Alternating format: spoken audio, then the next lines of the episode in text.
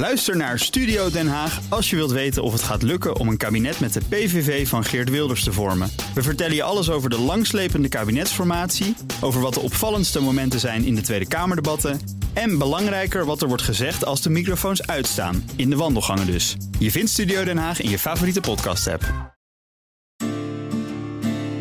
Goedemorgen, dit is de Week van Energia op vrijdag 1 december. Ik ben Ilse Akkermans en bij mij in de studio is vandaag Katrijn de Ronde, redacteur van Energia. Welkom Katrijn. Goedemorgen. We hebben het deze week over de nieuwe warmtewet, de wet collectieve warmte. Het definitieve wetsvoorstel daarvoor is gepubliceerd. Belangrijk punt daarin, publieke zeggenschap in warmtebedrijven. De branchevereniging Energie Nederland maakt zich daar zorgen over en vreest voor enorme vertraging in de uitrol van warmtenetten. Wat precies de bedoeling is van de nieuwe warmtewet, vertelt Katrijn zo meteen. Maar eerst kijk ik weer met hoofdredacteur Wouter Hielkema naar ander nieuws van deze week. En ook Wouter is er weer bij vandaag. Goedemorgen Wouter. Goedemorgen Ilse. Welke onderwerpen sprongen er voor jou uit in het energienieuws van deze week? Biokolenproducent Perpetual Next dreigt het Nederland te vertrekken vanwege het vestigingsklimaat. En daarmee zou Nederland een potentieel belangrijk bedrijf kwijtraken in de circulaire economie van de toekomst. Het Duitse energiebedrijf RWE dat investeert 55 miljard maar liefst de komende zeven jaar in hernieuwbare energie, batterijen, flexibel vermogen en waterstofprojecten. En Nederland blijft een focusmarkt. En tot slot, de overheid moet meer onderzoek doen naar de effecten van het heien van funderingen van windparken op zee op bruinvissen en zeehonden. Dat stelt de commissie MER bij de beoordeling van de milieueffectrapporten voor windpark IJmuidenver Alpha en Beta.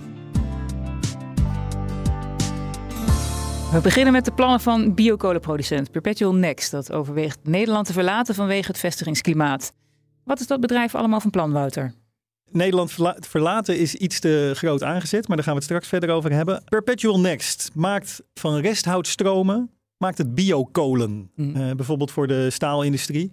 Um, nou, biokolen, wat zijn dat? Dat gaat via een proces dat heet torrefactie. Dus een woord is afgeleid van de productie van koffie. Leuk weetje van de week. Mm. Um, en daarmee wordt van, van biomassa, van, van plantenresten of houtenafval, ja, wordt via een bepaald productieproces worden kleine zwarte ja, biokolen gemaakt. Die, die erg lijken op steenkool. En die kan je dan ook uh, gebruiken in, nou ja, bijvoorbeeld in de ijzerproductie-industrie. Uh, mm -hmm. uh, als vervanger van kolen. Maar het bedrijf doet meer. Het produceert onder meer warmte voor industrieel gebruik. En uh, ook voor de gebouwde omgeving zelfs. En uh, groen gas. En uh, wij spraken met de CEO René Buwalda. En die verwacht dat er de komende jaren meerdere nieuwe vestigingen gaan ontstaan. op de locaties waar het zwaartepunt ligt van de business. Dus het bedrijf is zich echt een beetje aan het oriënteren van. Waar zijn de, de dingen waar wij actief zijn? Waar ligt daar het zwaartepunt van? Mm -hmm. En daar willen zij actief worden. En daarom zijn ze nu een hoofdkantoor aan het bouwen in de Verenigde Staten. Dat is niet het hoofdkantoor, dat is een van de hoofdkantoren. Uh, om te beginnen voor de, voor de markt in, in Noord- en Zuid-Amerika. Ja. En er wordt gezegd, ja, politiek gezien wordt daar meer ruimte geboden aan de vernieuwende industrie van de biokolenproductie. Dus daarom willen ze daar zitten.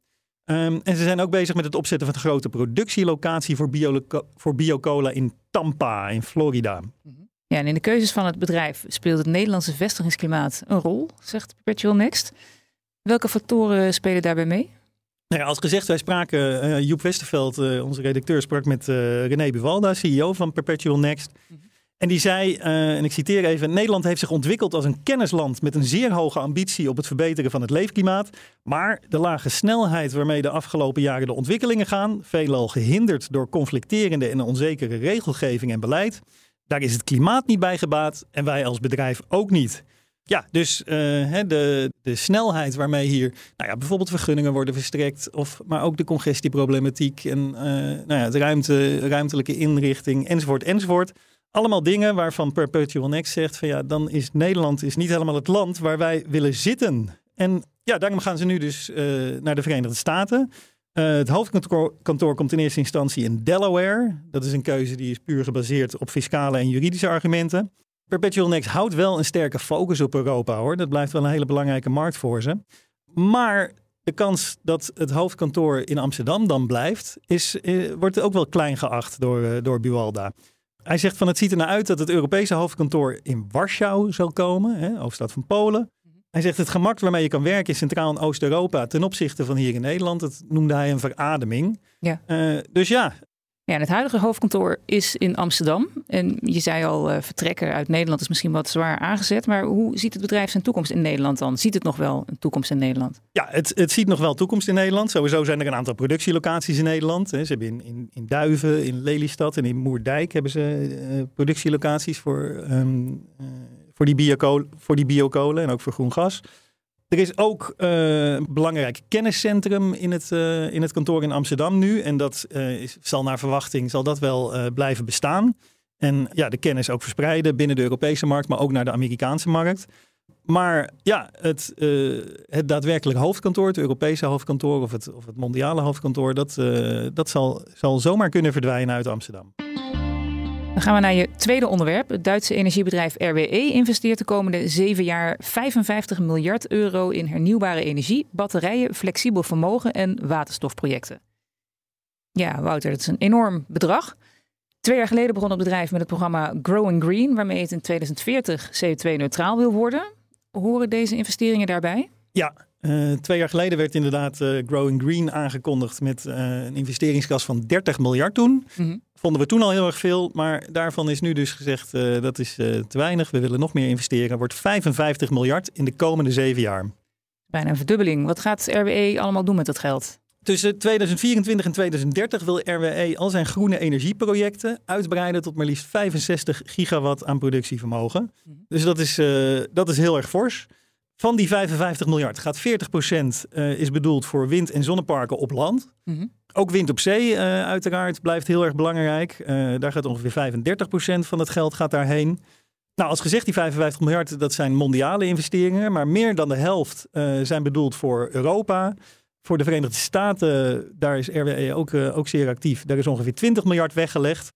Ja, en Nederland blijft wel ook focusmarkt van RWE. En welke rol speelt Nederland dan in de plannen? Nou, met name voor wind op zee blijft Nederland heel erg belangrijk. Uh, wordt een kernland genoemd voor RWE. Mm -hmm. um, ze zijn natuurlijk al actief. Ze hebben, uh, recent hebben ze kavel 7 van Hol Hollandse kust West uh, hebben ze de aanbesteding van gewonnen. Dus daar wordt een windpark van 700 megawatt wordt daar gebouwd. Dat wordt gecombineerd door RWE, was onderdeel van de aanbesteding. Hè. Er moesten allerlei systeemintegratie en andere, andere dingen bijgedaan worden om de winst in de wacht te slepen. Nou, dus dat heeft RWE goed gedaan. Mm -hmm. Uh, ze gaan daar drijvende zonnepanelen plaatsen, bijvoorbeeld, samen met de Nederlandse start-up Solar Duck. Ze gaan elektrolyse doen, niet, hè, dus waterstofproductie, groene waterstofproductie, niet in dat windpark. Uh, dat gebeurt wel op land, maar daar zit wel een koppeling met dat windpark. Mm -hmm. Net zo goed als dat ze elektrische boilers voor stadsverwarming uh, willen als, als systeemintegratie daarbij willen, willen positioneren. En ook een batterijproject is daarbij. Nou goed, dat is dus allemaal al een, een, windpark waar ze de aanbesteding al van gewonnen hebben. Maar er komen nog diverse aanbestedingen aan uh, tot 2030. Hè. De, in totaal wil Nederland in 2030 op de Noordzee 21 gigawatt hebben staan. En we hebben nu uh, iets van 4,5 uh, wat er vergund is. Nou, iets meer. Maar dus daar komt, komt nog het nodige aan. En daar zal RWE zeker interesse in hebben. Hoewel ze niet officieel willen zeggen van we gaan aan al die aanbestedingen meedoen. Maar goed, als je uh, deze investeringskas ziet en de plannen die er in Nederland zijn, dan is 1 en 1 wel 2. Wat ook belangrijk is, uh, of wat ik in elk geval heel erg interessant vind, uh, RWE heeft vier gascentrales in Nederland. Die willen ze gaan decarboniseren, zoals dat zo mooi heet. Eén grote Magnum-centrale in, in Eemshaven, die ze hebben overgenomen van Vattenfall. Uh, die zal overgaan op waterstof. En voor de rest hebben ze plannen CCS. Dus dat is CO2-afvang en opslag. Mm -hmm. um, nou, is heel interessant. Dat gebeurt nog niet uh, bij gascentrales. Maar goed, in 2035 moet de elektriciteitsproductie in Nederland CO2-vrij zijn. Dus dit is een oplossing. Interessant. RWE heeft natuurlijk ook nog kolencentrales in Nederland. Uh, Amercentrale draait bijna helemaal op biomassa. Het is niet helemaal nog duidelijk of dat ook na 2030 blijft bestaan. Maar voorlopig is dat in elk geval het plan. En wat er met de Eemshavencentrale, kolencentrale gaat gebeuren, die moet in 2030 volgens de wet sluiten, maar mag wel iets anders gaan doen. Is nog niet helemaal duidelijk wat daar de plannen zijn. Dan hebben we nog je derde onderwerp: de effecten van het heien van funderingen van windparken op zee op bruinvissen en zeehonden. De overheid moet daar meer onderzoek naar doen. Dat stelt de commissie MER bij haar beoordeling van de milieueffectrapporten voor windpark IJmuidenver. Ja, Wouter, om een beeld te krijgen van waarmee het onderwaterleven eigenlijk te maken heeft. Hoe gaat het plaatsen van windturbines op zee in zijn werk? Ja, dat is uh, een behoorlijke gewelddadige uh, activiteit. Zo'n windturbine bestaat op een fundering. Dat is een grote holle stalen buis. Tientallen meters lang, ook uh, meters brede diameter. Uh, het, het, is, je, ziet, je hebt ongetwijfeld wel eens een foto gezien van een windpark op, uh, op zee. En dan zie je hem altijd op zo'n gele, gele onderkant staan. Ja, nou, daar hebben we het over. Dat is een monopaal. En die wordt gewoon uh, met brute kracht de zeebodem ingeheid. Nou, dat levert heel veel geluidsoverlast levert dat op. Mm -hmm. althans, dat is de aanname. Dat zoogdieren als bruinvissen, dolfijnen en zeehonden... en ook wel vissen, vermoed ik, dat die daar last van hebben. En als je dat zou vergelijken met de normen voor mensen, de geluidsnormen voor mensen, hoe ziet dat er dan uit? De standaardmethode voor het heien van de funderingen, dat levert onder water een geluidsniveau op van 185 tot 188 decibel, mm -hmm. gemeten op een afstand van 750 meter van de heilocatie. Wat wil dat dan zeggen? Uh, het Rijksinstituut voor de Volksgezondheid, het RIVM, die stelt de pijngrens bij hartgeluid voor mensen op 140 decibel. Ja. Moet ik wel bij zeggen, dat is in de buitenlucht. En onder water zijn dingen weer anders. Hè. Dan mm. komt geluid op een andere manier je oren in. Maar, en hoe dat bij dieren gaat, is, dat, is, is, is nog weer anders. Dus dat is niet alleszeggend. Maar hè, voor, voor een verhoudingsgevoel, hè, 140 decibel, 180 decibel, ja. uh, daar zit wel een flink verschil tussen. En de commissie MER stelt de geluidsnorm voor heien op zee op 160 decibel. Ja. Nou ja, voor, voor mensen zou dat niveau dus nog steeds uh, uh, oorverdovend hard zijn. En merken we dan dat bruinvissen er last van hebben? Trekken ze weg? Nou, of ze in de buurt van het heien blijven, dat, uh, dat verwacht ik niet. Maar dat is eigenlijk een aanname van mij. Maar er is vrij recent zijn er nog tellingen geweest hè, van, van zeezoogdieren, dolfijnen en bruinvissen, zeehonden. Uh, op de Noordzee. En daar is niet een, een afname zichtbaar in elk geval. Mm -hmm. dat, uh, dat wordt door de commissie merk ook wel echt als het, als het goede nieuws gezien. Mm -hmm. uh, op dit moment is er nog niet een afname zichtbaar in, in, in hoeveelheden van die zeezoogdieren. Yeah. Maar ja, zegt de commissie mer ook bij, richting 2030 heeft Nederland, we hadden het net, net in het onderwerp over RW, hadden het ook over, richting 2030 zijn er nog enorme plannen. Er komt enorme opschaling. Grote gebieden in de Noordzee krijgen nog te maken met, met dit onderwatergeluid. Mm -hmm. En uh, dus het is, het is zeker niet gezegd dat dit zo blijft. Ja, en wat wil de commissie MER nu precies? Ze willen nu voor, voor dit windpark, hè, uh, IJmuiden, Ver, Alpha en Beta, willen ze dat er uh, een, een nadere onderbouwing wordt gegeven door, de, door het ministerie van Economische Zaken over de impact van haaien. Met name de impact op bruinvissen wordt, wordt genoemd, zodat het milieubelang volwaardig kan meewegen bij het besluit. Ja. Met andere woorden, er moet gewoon meer onderzoek worden gedaan. Ook even aan het ministerie van Economische Zaken gevraagd: van levert dat nou nog vertraging op? Want de aanbesteding van dit, deze twee kavels, uh, Emuiden Ver, Alpha en Beta, is uh, in het voorjaar van 2024 verwacht. Mm -hmm. Maar het ministerie van EZK zei: nee, dit, dit, uh, dit zagen we aankomen. We wisten eigenlijk dat dit eraan zat te komen. We zijn al bezig met het onderzoek. Ja. Um, dus er komt geen vertraging van. Dankjewel, Wouter.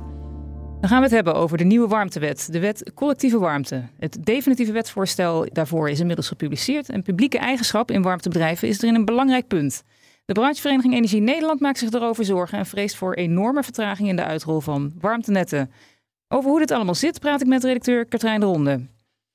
Ja, Katrijn, warmtenetten moeten een belangrijke rol krijgen op weg naar een toekomst zonder aardgas. Wat gaat die nieuwe warmtewet allemaal regelen? Het belangrijkste wat de nieuwe warmtewet eigenlijk gaat regelen is de marktordening.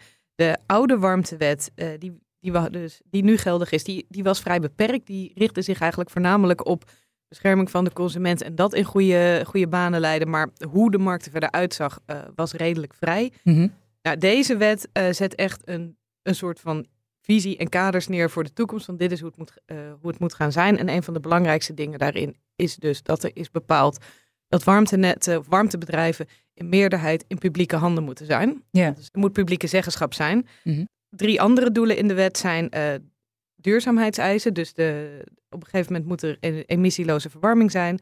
Um, er moeten kostengebaseerde tarieven komen. Op dit moment zijn de tarieven zo geregeld dat je nooit meer betaalt dan als je een gasaansluiting uh, zou hebben. Dus niet meer dan anders principe. Mm -hmm. Dat moet dus op kosten gebaseerd worden. En uh, de bescherming van de consument en de leveringszekerheid is nog verder geborgd. Ja, en het wetsvoorstel is in de loop der jaren enorm veranderd. Hè? Staan er nog nieuwe dingen in het definitieve wetsvoorstel? Ja, het wetsvoorstel begon ooit um, met het idee van een integraal warmtebedrijf. En dat konden dus prima commerciële partijen zijn. Dus de allergrootste wijziging in dit officiële wetsvoorstel ten opzichte van het eerste voorstel dat ter consultatie is gebracht, is natuurlijk die publieke zeggenschap. Mm -hmm. Maar goed, dat wisten we inderdaad allemaal al. Een aantal opvallende zaken zijn dat uh, de bescherming voor de minderheidsaandeelhouder, dus voor de marktpartij, is aangescherpt. Mm -hmm. uh, waardoor er hopelijk meer zekerheid is voor de minderheidsaandeelhouder om uh, ja, over de investeringen die die doet. Mhm. De netwerkbedrijven kunnen uh, meegaan doen als warmtebedrijf. Dat kon voorheen niet vanwege het groepsverbod. Mhm. Dat kan nu dus wel. Warmtegemeenschappen kunnen meedoen. Dat komt vanuit Europese wetgeving. Dat zijn dus bijvoorbeeld warmtecoöperaties. Die kunnen ook meedoen en een warmtenet hebben. Of een warmtebedrijf hebben. De tariefsystematiek is nog veel verder aangescherpt. Dat was een aanleiding van nou ja, een reactie van de ACM op het voorstel. Mhm. En als laatste, dat is ook een, een, een hele interessante is dat de optie van nationale deelneming in het wetsvoorstel is gezet. Mhm. En dat betekent eigenlijk gewoon in feite dat de staat uh, aandeelhouder kan worden in lokale warmtebedrijven. Ja, dat staat ook in een rapport van, voor het ministerie van Economische Zaken en Klimaat. Hè. Adviesbureau Facton schrijft dat staatsdeelname in toekomstige warmtebedrijven de last voor lagere overheden zou verlichten. Hoe zou dat eruit kunnen zien?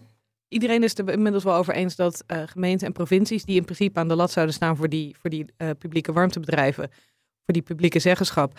Um, ja, die hebben gewoon niet de realisatiekracht om dat nu op korte termijn uit de, uit de grond uh, te stampen. Mm -hmm. En dus uh, heeft uh, het ministerie van Economische Zaken gevraagd aan Facton om te kijken hoe zou zo'n staatsdeelname eruit kunnen zien. Is dat een goed idee? En welk van de staatsdeelnemingen die we al hebben, hè, zoals hoogspanningsnetbeheerder Tennet, investeringsfonds InvestNL of um, gastransportnetbeheerder GasUnie en Energiebeheer Nederland, EBN, welke van die zou nou geschikt zijn om zo'n, als, we dat, als dat een goed idee is, om zo'n staatsdeelname te doen? Nou, Factum Mhm. komt vrij snel tot de conclusie, dit is gewoon een goed idee. Wat jij zegt, het, het zorgt dat, eh, het, het verlicht de lasten, het verlicht de lasten voor de gemeente. Mhm. Ehm, het zorgt voor meer geld, het zorgt voor meer kennis en kunde. Ehm, het kan een steile leercurve voor de ontwikkeling betekenen, al dus Facton. Ja. Nou, en vervolgens zegt Facton dan, als je naar die vier partijen kijkt die ik net noemde, dan eh, zijn GasUnie en EBN eigenlijk de meest geschikte eh, om te investeren. Dat zou dan gaan om een eh, deelname van maximaal 40%. En Facton zelf neigt eigenlijk nog het meest naar EBN, want die zegt van ja, EBN investeert al met marktpartijen in ehm, gasopslagen, in geothermie projecten. Dus die, die heeft ervaring in die constructie en die kennis en kunde van die marktpartij is echt nog wel belangrijk. Dus Mhm. EBN lijkt de meest aangewezen partij. Marktpartijen vrezen dat het wetsvoorstel de groei van collectieve warmtesystemen eh, zal vertragen. Hoe reageren publieke partijen op de publieke zeggenschap? Nou, je, je ziet eh, eigenlijk de afgelopen tijd dat er echt eh, allerlei aankondigingen zijn van ehm, gemeentes en, en lagere overheden die dus overwegen om op verkennen en onderzoeken om publieke warmtebedrijven op te richten. Amsterdam is ermee bezig. Het Gelders Warmte-infrabedrijf is al opgericht. Dat komt vanuit eh, de provincie. Mhm. Eh, de gemeente, of de provincie Noord-Brabant die is het aan het onderzoeken, maar de gemeente Den Bosch bijvoorbeeld ook. In, in, het plopt overal uit de grond. Mhm. Eh, de gemeente Groningen die gaat, die heeft al een publiek warmtebedrijf. Die gaat een publiek energiebedrijf, zijn ze over na aan het denken. Mhm. Dus die gaan nog een stap verder. Ja. En ondertussen zie je dat eh, bestaande warmte, publieke warmtebedrijven, zoals bijvoorbeeld HVC, die, die timmert gewoon hartstikke hard aan de weg, want die kan gewoon door onder deze wet. En welke rol kunnen marktpartijen dan nog spelen bij de ontwikkeling van warmtenetten? Dat wordt een hele andere rol dan ze nu hebben. Nu zijn ze gewoon eigenaar van, het, het hele, van de hele keten. Hè. Het zijn ze gewoon, ze hebben de netten, ze, ze leveren, ze, ze gaan over de bronnen. Dat wordt anders. Ze worden veel meer een, een kennispartij en een partij die, ehm, ja, die, die dus eh, eh, de, de ervaring inbrengt. En de hoop is toch ook nog wel de investeringen om, Mhm. eh, om te zorgen dat het, eh, ehm, dat het allemaal goed op gang komt. Ja. Ja, maar bedrijven zijn wel echt zoekende. Je ziet dat de grote commerciële bedrijven ook nog steeds niet heel positief zijn, maar ze lijken wel eh, steeds meer eieren voor hun geld te kiezen in Hm. de plannen die ze presenteren.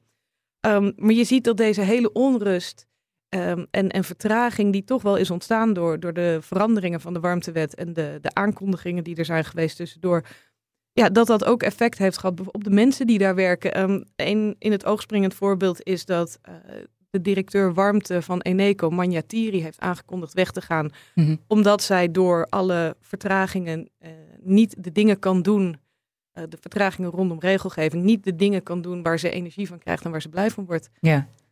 En inmiddels hebben we de verkiezingen gehad. Hè. Er komt zo meteen een heel ander kabinet uit. Hoe groot is de kans dat dit wetsvoorstel wordt aangenomen? Eh, dat is heel moeilijk te zeggen, want ehm, er is natuurlijk nog geen coalitie. We, we hebben net pas een verkenner. Mhm. Ehm, maar als je nou kijkt naar, ehm, naar de drie partijen die het vaakst genoemd worden, eh, PVV, NSC en VVD, dan zie je dat eh, NSC uh, in het verkiezingsprogramma heeft staan dat ze pro-publieke zeggenschap zijn. Mm de VVD noemt geothermie als bron voor warmtenetten en de PVV uh, die noemt warmte eigenlijk vrijwel niet in het programma. Mm -hmm. dus, dus daar is weinig over te zeggen, behalve dan dat de NSC uh, voorstander van deze wet lijkt te zijn. Yeah. twee andere partijen die um, na de verkiezingen veel genoemd werden als grote partijen zijn de BBB is voor uh, specifiek voor deze wet ook, omdat de BBB zegt hier zit goede consumentenbescherming in. Mm -hmm. En GroenLinks, uh, PvdA is ook voorstander van deze wet. Dus het, het lijkt er toch op dat er in de Tweede Kamer voor de partijen die daarover nagedacht hebben, um, publieke zeggenschap wel, um, ja. dat ze dat wel steunen. Dankjewel Katrijn. Dit was de Week van Energia met de laatste ontwikkelingen in de Nederlandse energiesector. Op energia.nl lees je meer. We zijn benieuwd wat je van deze podcast vindt. Laat het ons weten via podcast.enagaia.nl. Mijn naam is Ilse Akkermans. Fijn dat je luisterde en tot volgende week.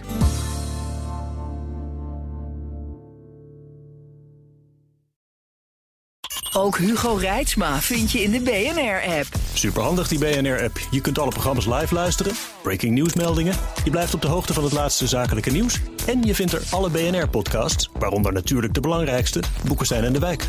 Download nu de gratis BNR-app en blijf scherp.